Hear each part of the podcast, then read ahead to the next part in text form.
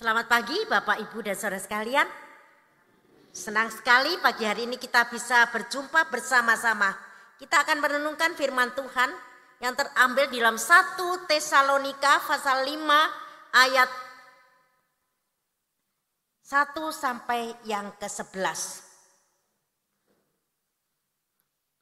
1 Tesalonika 5 ayat 1 sampai ayat yang ke-11. Saya akan bacakan 1 Tesalonika 5 ayat 1 sampai ayat yang ke-11 berbunyi demikian.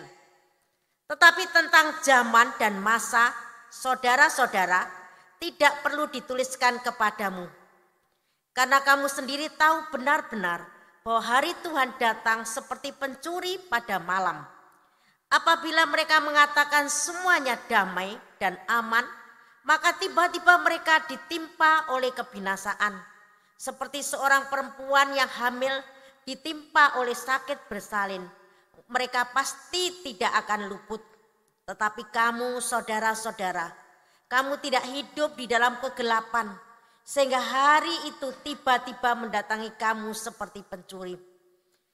Karena kamu semua adalah anak-anak terang dan anak-anak siang kita bukanlah orang-orang malam atau orang-orang kegelapan.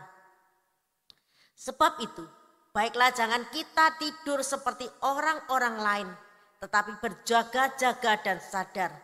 Sebab mereka yang tidur, tidur pada waktu malam. Dan mereka yang mabuk, mabuk waktu malam.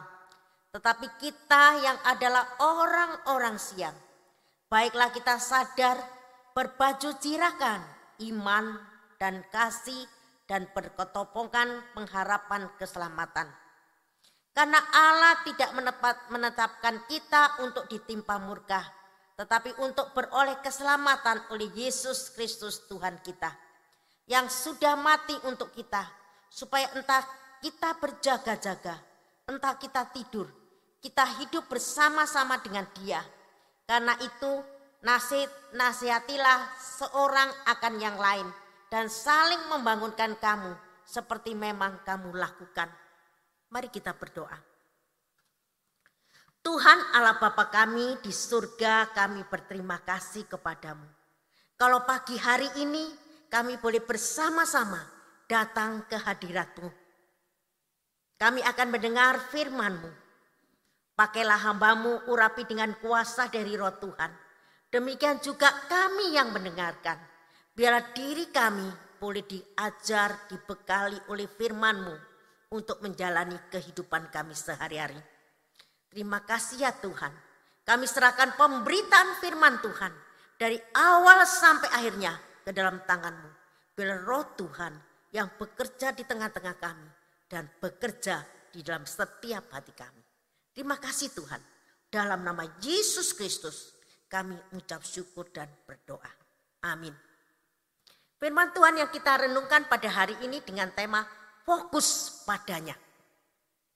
Saudara sekalian, coba langsung yang di bawah aja ya setelah baca Alkitab itu slide-nya ya. ya. Kalau kita lihat, kita fokus padanya. Itu ada suatu tujuan tertentu. Saya ingat pada waktu saya memasuki sekolah pada waktu itu di SMP. Zaman dahulu itu bukan sekarang seperti sekarang anak-anak dari kecil sudah canggih. Tetapi pada waktu saya memasuki kelas pada waktu itu, tek, loh, di situ di tembok itu ada suatu eh, bagan saudara. Jadi SD ke SMP atau dari SMP ke SMA, SEMEA, kemudian perguruan tinggi. Tek, waktu saya lihat itu, saya termotivasi. Waktu itu saya berpikir, setelah saya SMP saya mau melanjutkan ke mana. Sampai ke mana saudara sekalian itu ada suatu tujuan dan fokus tertentu. Kita melihat kehidupan manusia ini kita perlu ada suatu fokus. Nah kalau kita lihat fokus itu yang terutama menjadi tujuan utama dalam hidup kita. Kelak kemudian hari. Dalam perjalanan menuju tanah surgawi, kelak kita inginkan suatu kehidupan yang kekal. Tetapi di dalam kitab 1 Tesalonika 5 itu mengajarkan kepada kita untuk menanti berjaga-jaga tentang kedatangan Tuhan yang kedua kali. Saudara, mungkin kita bisa menanti kedatangan Tuhan kedua kali kita masih hidup. Mungkin kita sudah dipanggil Tuhan terlebih tahu, terlebih dahulu. Kita tidak tahu. Namun saudara dalam suatu tujuan untuk menanti kedatangan Tuhan yang kedua kali itu. Kita perlu tujuan utamanya untuk mencapai itu. Yaitu perlu adanya suatu semangat, motivasi sebagaimana seorang siswa untuk mencapai sesuatu. Saya yakin dan percaya Bapak Ibu mempunyai maksud anak-anak. Anak-anak kita kelak menjadi orang yang lebih baik dari kita. Menjadi orang yang lebih berhasil. Menjadi orang yang bisa e, mandiri. Yang juga mengasihi keluarga dan mengasihi kita sebagai orang tua. Saudara itu suatu tujuan. Mencapai suatu titik. Fokus tertentu. Namun untuk mencapai fokus tertentu itu. Kesuksesan. Ataukah kita menanti kedatangan Tuhan yang kedua kali itu bukan merupakan hal yang mudah. Mengapa saya katakan demikian? Dalam perjalanan jalan pun tidak selalu rata. Untuk mencapai itu diperlukan suatu perjuangan, semangat, memotivasi anak-anak kita untuk mencapai suatu tujuan. Ada seorang petani. Dia mempunyai kerinduan supaya anak-anaknya kelak mempunyai hidup yang lebih baik, lebih sukses, tidak seperti dia sebagai buruh petani. Maka petani itu pagi-pagi dia rajin bekerja. Memotivasi anaknya supaya rajin belajar. Sehingga kelak kemudian hari hidupnya lebih baik. Betul. Dua anak petani ini. Satu menjadi anggota TNI. Yang kedua menjadi seorang dokter. Bagaimana seorang petani bisa membiayai anaknya bisa menjadi dokter? Ternyata saudara, anak petani itu rajin belajar dan dia berprestasi sehingga pada waktu memasuki perguruan tinggi karena prestasinya dia tidak e, tidak e, membuat membayar uang pangkal yang mahal. Saudara, ini diperlukan perjuangan untuk mencapai titik tertentu. Karena petani ini dia ingin anak-anaknya lebih sukses, lebih memperoleh e, kehidupan yang lebih baik dari dirinya. Sekarang saya tanya, apakah tujuan kita sebagai orang tua? Kita yakin anak-anak kita itu bukan diwarisi oleh harta kekayaan. Tetapi kita ingin anak-anak kita kelak kemudian bisa mandiri, berusaha sendiri. Dengan dorongan dan semangat menjadi orang yang lebih sukses dari kita. Menjadi orang yang sukses di dalam ekonomi dan dengan keyakinan. Kita bukan saja mengharapkan mereka sukses dalam rohani. Dalam dalam ekonomi. Tetapi kita juga mengharapkan anak-anak kita itu bertumbuh dalam iman rohaninya. Mengasihi Tuhan lebih sungguh-sungguh. Melayani Tuhan lebih sungguh-sungguh. Saya yakin itu merupakan fokus kita di dalam kehidupan ini. Sebagai orang tua, apakah tujuan hidupmu yang terutama? Dan apakah itu bermanfaat bagi anak-anak kita? Saya yakin kita sebagai orang tua berjuang mencari nafkah, membesarkan anak-anak dengan suatu tujuan. Kelak mereka lebih berhasil. Apakah ada orang tua akhirnya berkata gini, saya bangkrut karena saya menyekolahkan anak-anaknya. Saya meneteskan air mata berpeluh kesah karena saya menyekolahkan anak-anaknya. Saya mengalami kerugian Apakah demikian? Saya yakin tidak ada orang tua yang demikian. Orang tua itu bekerja keras, berkeluh kesah. Mereka juga meneteskan air mata. Tetapi dengan suatu perjuangan. Kelak kemudian hari anak-anaknya menjadi seorang yang berhasil. Menjadi orang yang pintar, menjadi orang yang bisa bersosialisasi, yang bisa mandiri, yang bisa melihat orang tua akan bangga. Melihat anak-anak mereka sukses, dan juga anak-anak mereka bisa berkeluarga dengan bahagia, dengan tentram. Saudaraku sekalian, ini suatu tujuan. Di dalam kitab Kolose ini, eh, bukan, di dalam kitab Tesalonika ini mengajarkan kita untuk fokus menanti kedatangan Tuhan. Dalam penantian ini ada suatu pengorbanan yang kita lakukan. Ada juga suatu perjuangan. Ada juga kita jangan pantang penyerah. Pada waktu kita mengikut Tuhan, pada waktu kita melayani Tuhan, kadang bukan merupakan hal yang mudah, tetapi tetaplah kita fokus kepada Tuhan. Saudaraku sekalian, pertanyaannya bagi kita dalam menantikan kedatangan Tuhan yang kedua kali, dalam kehidupan yang tidak mudah ini, sebetulnya apa yang menjadi fokus hidup kita sebagai orang yang percaya? Sebagai orang yang percaya kita adalah anak-anak Allah. Kita adalah anak-anak terang. Di situ dikatakan bukan anak-anak kegelapan ayat yang kelima. Kita adalah anak-anak terang, bukan anak yang kegelapan. Kalau kita lihat kita adalah anak-anak terang. Yesus sebagai terang dunia. Dia akan menolong dan menerangi kita. Tetapi betapa seringnya kita telah menjadi anak-anak terang. Tetapi saudaraku sekalian, fokus kehidupan kita cenderung yaitu berpusat pada besarnya masalah yang ada. Karena kita tidak melihat terang daripada Tuhan. Kita lihat hal yang selanjutnya.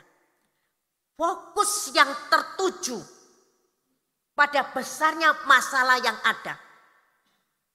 Tidak melihat kuasa Tuhan bisa bekerja di tengah kesulitan, di tengah segala masalah itu.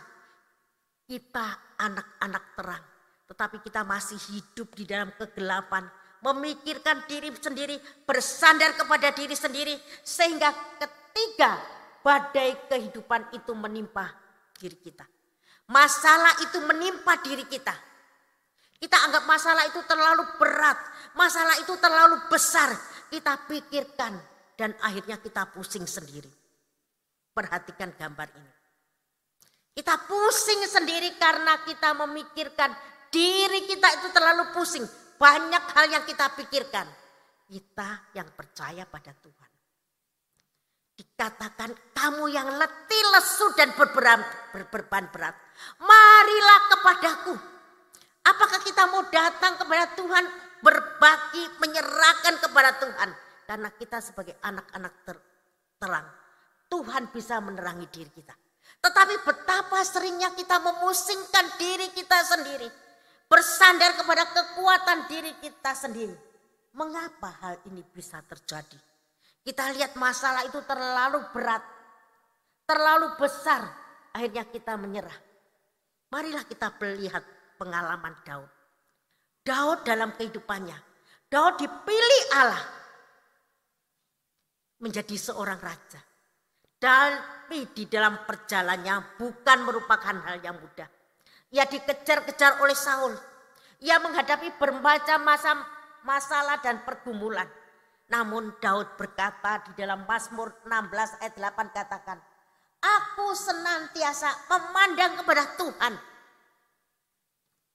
karena ia berdiri di sebelah kananku. Aku tidak goyah. Saudara sekalian. Di dalam badai kehidupan yang dialami oleh Daud.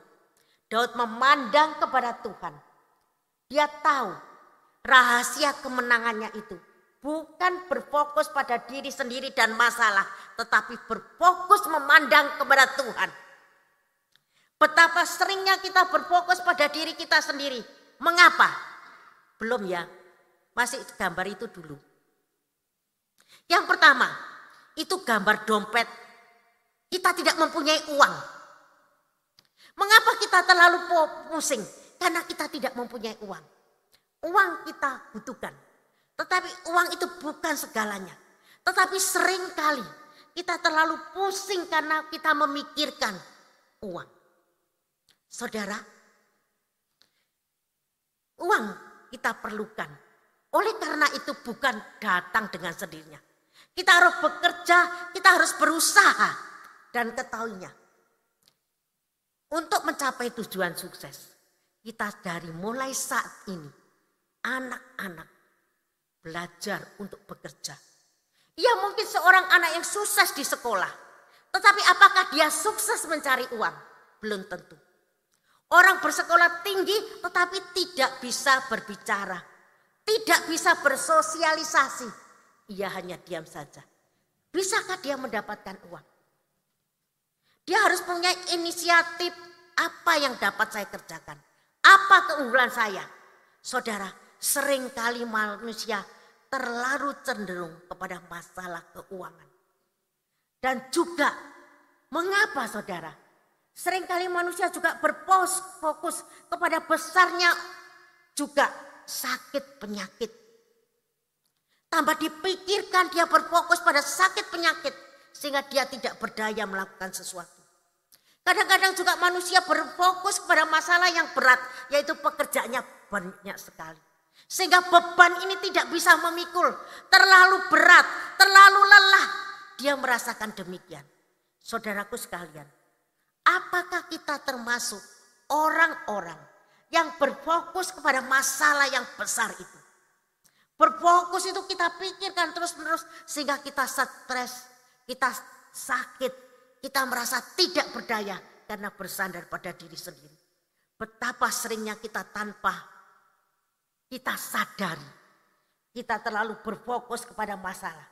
Pada waktu kita berfokus kepada masalah, sering kali kita tidak melihat kuasa Tuhan, penyertaan Tuhan di dalam kehidupan kita.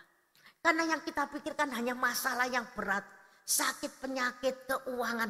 Kita tidak melihat dan kita tidak bersandar kepada Tuhan. Kita tidak memandang kepada Tuhan. Daud mengalami masalah, tetapi dia mempunyai kemenangan di dalam pergumulan. Karena dia tidak cenderung kepada e, berfokus kepada masalah, besarnya masalah. Tetapi dia mengarahkan hati dan pikirannya. Meminta pertolongannya, memfokuskan dirinya kepada Tuhan. Sehingga itulah kemenangan yang dialami oleh Daud. Saudara yang selanjutnya, bukan saja kita Jangan berfokus kepada masalah itu terlalu berat. Kita juga perlu berfokus tentang kebaikan Tuhan di dalam hidup kita. Kalau saudara saya tanya, apa kebaikan Tuhan di dalam hidupmu? Mungkin kita berkata, tidak ada. Apakah benar kita tidak pernah merasakan kebaikan Tuhan di dalam hidup ini? Mari kita berfokus akan kebaikan Tuhan. Tolong ya slide selanjutnya. Berfokus kepada kebaikan Tuhan. Saudara perhatikan gambar-gambar yang ada. Kita melihat, kita diberikan hidup ini. Bagaimana kita memanfaatkan hidup kita ini dengan baik? Kita lihat, kita perhatikan. Dalam hidup ini bukan merupakan hal yang mudah. Seringkali orang berkata, setiap keluarga mempunyai masalah-masalah sendiri. Sulit diutarakan. Seolah beban itu demikian berat. Namun saudara, kita renungkan. Pada waktu kita merenungkan kebaikan Tuhan. Yang pertama kita lihat, kita diberikan nafas hidup. Itu suatu kebaikan Tuhan. Kita diberikan waktu oleh Tuhan untuk hidup ini. Kita diberikan waktu ini gunakanlah dengan baik untuk memfokuskan diri kepada Tuhan. Mengapa? Pada waktu kita memfokuskan tentang kedatangan Tuhan yang kedua kali. Bagaimana kita berjaga dan berdoa menggunakan waktu ini. Karena kedatangan Tuhan itu bagaikan pencuri. Tidak seorang pun yang tahu. Oleh karena itu kita perlu berjaga menggunakan waktu ini dengan baik. Waktu yang kita gunakan ini bukan dengan sia-sia tetapi kita gunakan dengan bermanfaat. Seringkali saudara, kita terbelenggu waktu kita. Oh, waktunya nonton film Korea. Oh, waktunya demikian. Saudara sekalian, gunakanlah waktu yang bermanfaat yang Tuhan berikan. Dikatakan kedatangan Tuhan itu bagaikan pencuri. Tidak kita duga suatu saat itu akan datang tanpa kita rencanakan. Karena itu persiapkanlah hati kita menggunakan waktu ini. Bukan saja waktu, tetapi kita lihat. Kita diberikan kesehatan oleh Tuhan. Gunakanlah selagi kita sehat itu dengan suatu yang bermanfaat. Dengan suatu yang berguna. Selagi kita sehat, kita gunakan itu untuk bekerja. Kita gunakan itu untuk bersama-sama bersekutu. Kita gunakan itu dengan suatu yang bermanfaat. Saudara sekalian, kita lihat kita diberikan tubuh yang sehat. Itu juga adalah kebaikan Tuhan yang ada di dalam diri kita. Mengapa saudara? Kalau seorang yang sakit, satu tabung oksigen, berapa yang harus dibayar? Kita menghirup udara segar, suatu kebaikan Tuhan. Diberikan kita hidup, diberikan tubuh yang sehat. Bukan saja demikian. Selama pandemi ini, Bapak Ibu apakah merasakan kebaikan Tuhan? Banyak kebaikan Tuhan. Kita bisa berkumpul bersama di sini adalah kebaikan Tuhan. Karena kita masih sehat. Kita juga bersyukur dalam pandemi ini meskipun masa-masa sulit. Tetapi kita masih hidup. Kita tidak kelaparan. Kita masih bisa berjalan. Kita diberikan kesempatan. Ini adalah kebaikan Tuhan. Saudaraku sekalian, gunakanlah Waktu kita mengikut Tuhan dan melayani Tuhan, itu adalah suatu kebaikan Tuhan. Kadang-kadang pada waktu masalah itu terjadi, badai kehidupan menimpa itu, kita mungkin tidak melihat kebaikan Tuhan. Tetapi pada akhirnya juga kita akan lihat kebaikan Tuhan. Saudara, berapa waktu ini saya mendoakan seorang ibu Ibu itu sakit demam berdarah. Dia ada di rumah sakit dan dia mempunyai mama lagi. Mamanya ada di luar pulau. Waktu hari itu, dia katakan hari Selasa berapa waktu yang lalu, dia tel, ditelepon oleh saudaranya, dia katakan mama dalam keadaan kritis. Nah ibu itu hari itu panas. Ya saya yakin Ibu itu ya agak bingung dan berapa hari kemudian ibu itu masuk rumah sakit karena demam berdarah. Pada waktu di rumah sakit saya kunjungi. Saya doakan ibu itu, Tuhan tolonglah jama ke atas tubuhnya supaya dia disembuhkan. Saya juga mendoakan mamanya yang di luar pulau. Karena saya mendengar dalam keadaan kritis. Doa saya demikian. Tuhan tolonglah sembuhkan ibu ini supaya dia sembuh dan saya doakan mamanya yang di sana, saya berdoa, Tuhan, tidak ada suatu yang mustahil. Kalau Tuhan mau menyembuhkan, sembuhkan. Tetapi kalau Tuhan punya kehendak yang lain, Tuhan saya serahkan dalam tanganmu. Sebagai seorang hamba Tuhan, berdoa demikian itu tidak gampang saudara. Kadang-kadang anaknya juga marah. Kok didoano gitu ya. Ya, saya doakan gitu, Saudara saya doakan itu siang hari. Sore dipanggil Tuhan. Saudara. Kemudian yang menjadi persoalan demikian saudara. Saya ditelepon tidak ada. Oh iyalah, karena saya tahu mamanya yang di luar pulau itu sudah berapa bulan yang lalu, eh, kira-kira Januari itu udah udah sakit juga parah. Saya juga lihat fotonya dia karena terlalu banyak obat di mulutnya juga berdarah-darah. Tapi saya lihat perasaan ibu yang sakit ini saya yakin dia sebagai seorang mamanya yang sakit pergumulan saudara. Dia sakit di rumah sakit mau pulang ke sana ya juga tidak bisa. Kemudian saya cuma menguatkan dia. Kamu jangan banyak pikir. Cepat sehat no, nanti bisa pulang. E, cepat pulang keluar pulau. Namun saudara, karena Idul Fitri, satu tiket mahal, dua tiket enggak ada. Ya apa daya enggak bisa.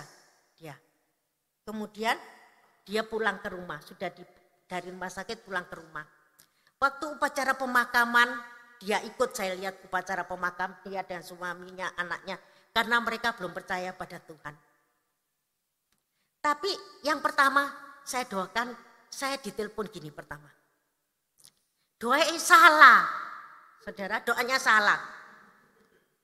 Ya tapi dia tidak marah, tapi dia bilang doanya salah. Kenapa saya tanya gitu? Sebetulnya doanya tunggu dulu jangan dipanggil Tuhan dulu. Karena satu, anaknya masih sakit. Kedua, tiketnya tidak ada. Ya apa ini? Nuh. Saudara, oh ya salah. Ya sorry aja, aku yang bilang gitu ya. Aduh, salah saya doa. Ya saya jawabnya enak aja. Waduh salah saya doanya. Tapi setelah itu saya dengar Hari itu pemakaman hari Jumat yang lalu te tepat Idul Fitri, Idul Fitrinya Muhammadiyah ya.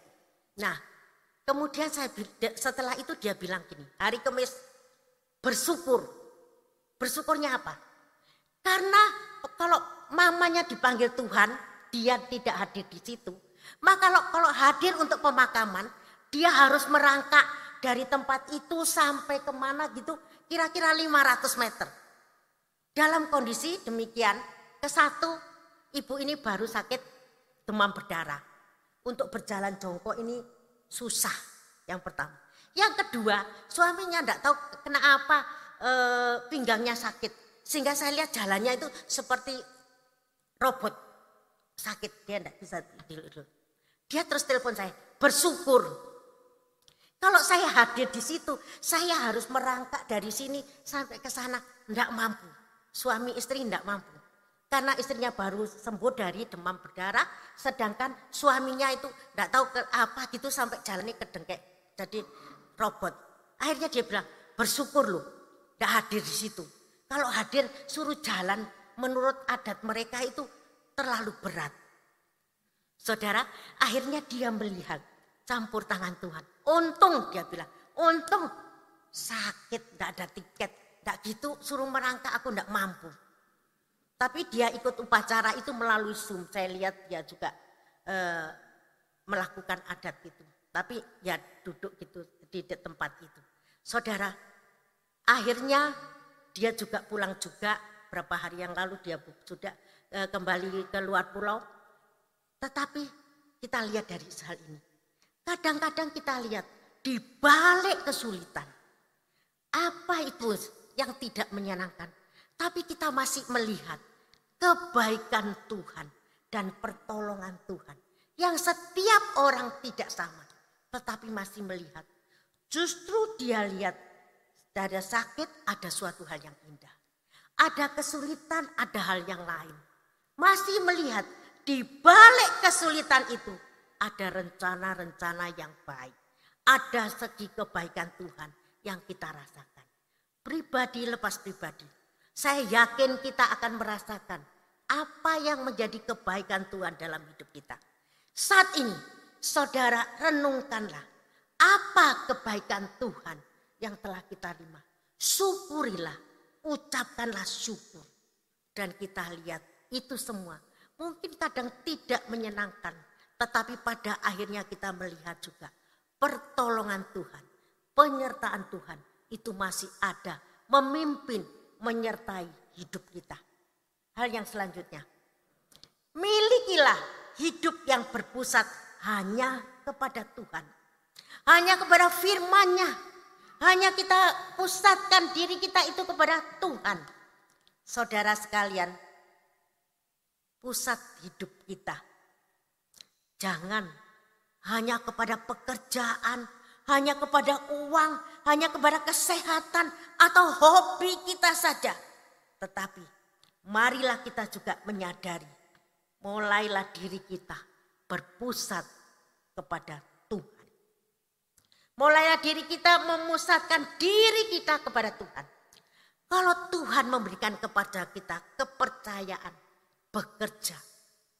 Kalau Tuhan memberikan kepercayaan kepada kita untuk melayani kalau Tuhan memberikan kepercayaan kita kepada sebagai guru sekolah minggu atau sebagai pegawai atau sebagai pekerjaan apa pun, saudaraku sekalian, milikilah hati untuk berpusat pada Tuhan. Apa yang kamu lakukan, lakukanlah itu dengan kesetiaan. Lakukanlah itu seperti kita melakukan untuk Tuhan. Apa pun yang kita kerjakan, kerjakanlah seperti untuk Tuhan. Kalau kita mengerjakan seperti untuk Tuhan, baik itu kita pekerjaan sebagai pegawai atau sebagai seorang siswa, kita akan lakukan bukan karena dilihat. Pada waktu bos melihat kita, kita rajin. Tetapi pada waktu bos meninggalkan kita, kita sembarangan.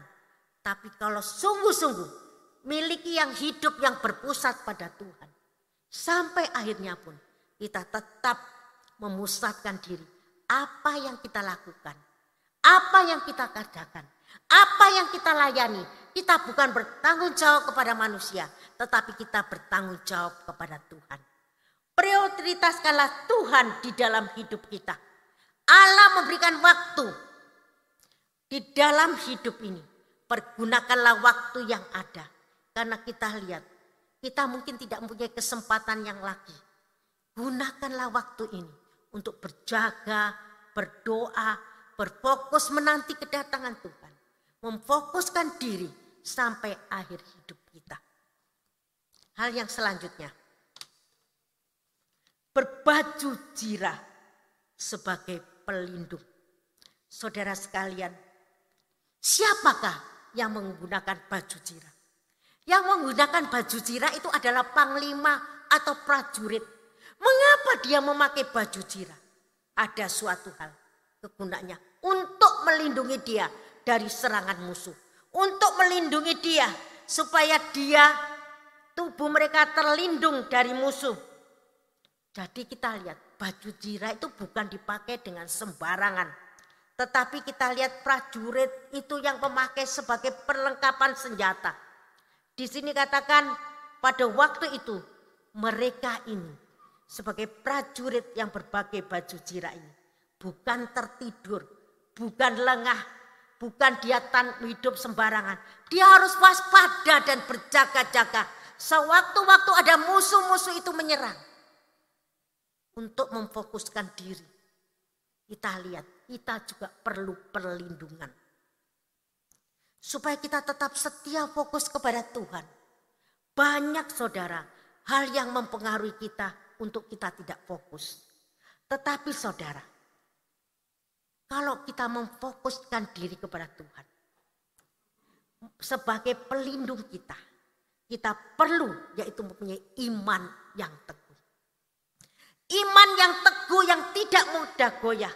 Pada waktu badai gelombang eh, menimpa diri kita. Banyak kesulitan yang terjadi dalam hidup kita. Tetapi seorang yang beriman teguh Mungkin goncangan di dalam ekonomi. Mungkin pacar yang tidak percaya pada Tuhan. Tetapi kalau dia beriman kepada Tuhan. Dia tidak akan jatuh karena uang. Atau karena pekerjaan. Atau karena hobi. Dia tetap akan beriman percaya kepada Tuhan.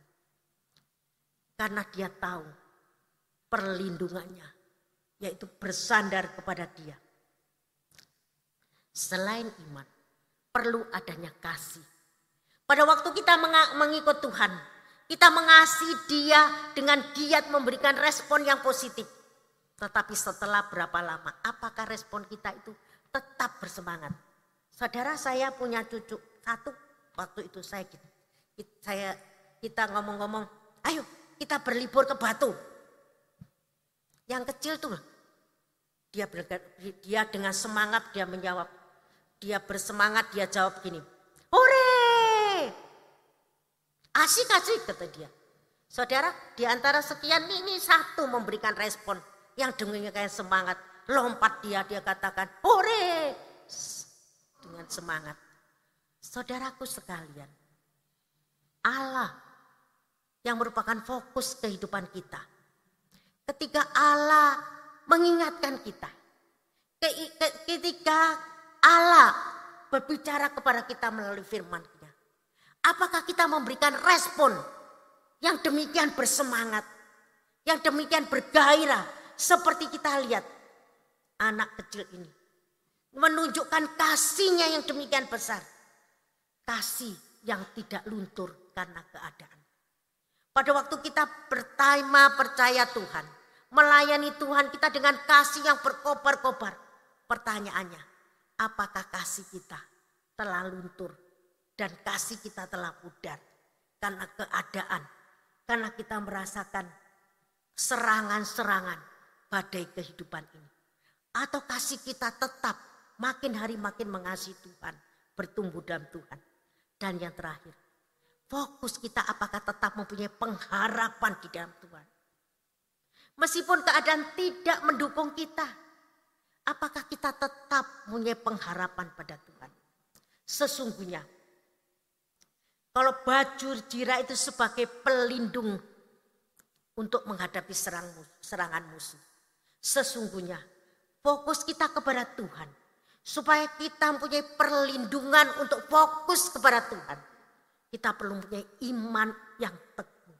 Sekali ikut Tuhan, seumur hidup kita ikut Tuhan. Sampai akhir hidup kita. Sehingga katakan, hai engkau hamba yang setia, masuklah, terimalah kerajaan Allah. Apakah kasih kita telah menjadi pudar? Ataukah kita tetap mempunyai respon yang bersemangat dalam melayani Tuhan? Dan apakah kita mempunyai pengharapan? Saudaraku sekalian, baju jirak merupakan senjata yang penting untuk bertahan berjaga-jaga di dalam peperangan. Iman, kasih dan pengharapan merupakan senjata yang penting untuk kita bertahan dan berjaga-jaga mengikut dia dan melayani dia. Yang terakhir, kita perlu memberikan respon yaitu fokus menanti kedatangan Tuhan. Sebagaimana di dalam kitab Tesalonika ini. Mengapa Paulus mengingatkan jemaat Tesalonika? Karena kita lihat jemaat Tesalonika pada waktu itu ketika mereka mendengar kedatangan Tuhan.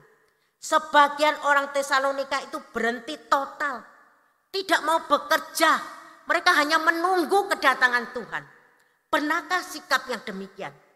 Dalam menanti kedatangan Tuhan, kita bukan diam kita bukan tidak bekerja, itu adalah pandangan yang keliru. Kita terus berjaga-jaga. Oleh karena itu, peran kita sebagai saudara seiman terus memberikan nasihat kepada saudara-saudara kita jika mereka telah menjadi lemah imannya dan kasih mereka telah undur. Saudara, di dalam kitab Ibrani dikatakan Janganlah kita menjauhkan diri dari pertemuan-pertemuan ibadah kita. Seperti yang dibiasakan oleh beberapa orang. Tetapi marilah kita saling menasihati. Dan semakin giat menjelang hari Tuhan yang mendekat. Sebagai kita sebagai orang yang percaya. Perlu kita memberikan nasihat. Perlu kita memberikan juga dorongan. Supaya mereka semua boleh bangun fokus kita dalam menanti kedatangan Tuhan. Saudara sekalian, marilah kita bangun berjaga-jaga menanti kedatangan Tuhan dengan berfokus kepadanya, menantikan kedatangan Tuhan. Kita sungguh-sungguh menyerahkan diri kita dengan fokus hanya kepada Dia. Saudara, adalah suatu hal yang penting bagi kita untuk berjaga-jaga menjalani kehidupan di bumi ini yang tidak mudah. Banyak masalah yang harus kita hadapi.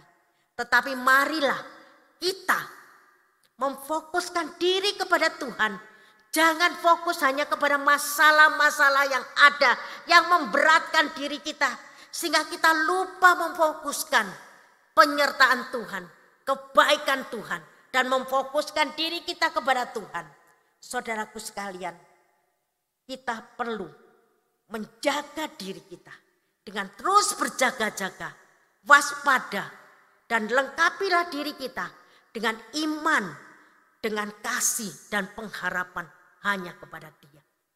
Marilah kita saling menasihati satu dengan yang lain, membangun satu dengan yang lain, tetap fokus memandang, berharap, bersandar, memfokuskan diri kita menantikan kedatangan Tuhan. Jangan pada waktu kedatangan Tuhan kita termasuk orang yang terlambat, tertinggal dan tidak berjaga dan berdoa. Kira Tuhan menolong kita untuk kita memfokuskan diri kepada Tuhan dan melihat kuasa Tuhan di balik kesulitan ada suatu hal yang indah jika kita tetap memfokuskan diri pada Tuhan, maka kekuatan dan kemenangan akan kita peroleh bagi kita yang bersandar dan mengandalkan dia. Tuhan memberkati firman-Nya. Amin.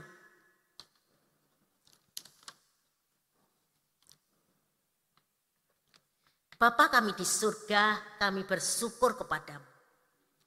Hari ini engkau mengingatkan kami untuk memfokuskan diri akan kedatangan Tuhan yang kedua kali.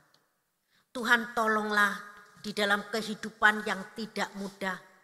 Kadang ada badai kehidupan yang melemahkan iman kami. Ajar kami ya Tuhan tidak tenggelam dengan basarnya masalah yang berat yang kami alami tetapi kami boleh melihat kebaikan Tuhan, kuasa Tuhan yang menolong dan memimpin kami. Ajar kami memperlengkapi diri, diri kami dengan tetap percaya, mengasihi Engkau dan berharap pada Engkau. Karena Engkaulah kekuatan dan pertolongan kami. Ajar kami juga tidak membiarkan orang-orang di sekitar kami mereka meninggalkan Tuhan tetapi biarlah kami saling memberikan nasihat, dorongan untuk mencapai fokus yang akan kami dapatkan. Siapkanlah hati kami untuk menyambut kehadangan, kehadap kedatanganmu yang kedua kali. Tolong kami Tuhan, tompang kami terus berjalan sesuai dengan kehendakmu. Dan biarlah hati kami tetap berfokus kepadamu ya Tuhan. Di dalam nama Yesus Kristus kami syukur dan berdoa. Amin.